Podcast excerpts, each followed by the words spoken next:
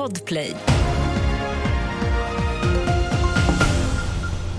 Vi börjar med uppgifter som kom nyss om att tre personer omkom i samband med tågolyckan i Örebro sent igår kväll. Det bekräftar nu polisen. En av dem är en man i 25-årsåldern och en av dem en kvinna i 20-årsåldern.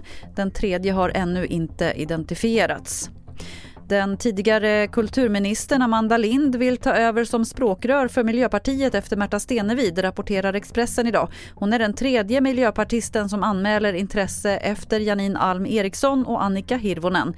Partiet väljer Stenevis efterträdare den 28 april. Till sist kan vi berätta att ICA har problem med att ta betalt och i flera butiker och även apotek går det inte att betala med kort just nu. Istället får man betala med kontanter, Swish eller ICAs app. Det ska handla om ett internt problem och en butikschef säger till Eskilstuna-Kuriren att problemet beror på att det är skottdagen idag. Fler nyheter finns på tv4.se. Jag heter Lotta Wall.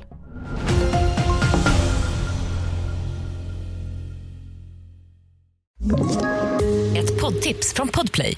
I podden Något Kaiko garanterar östgötarna Brutti och jag, Davva, dig en stor dos skratt. Där följer jag pladask för köttätandet igen. Man är lite som en jävla vampyr. Man har fått lite blodsmak och då måste man ha mer. Udda spaningar, fängslande anekdoter och en och annan arg rant.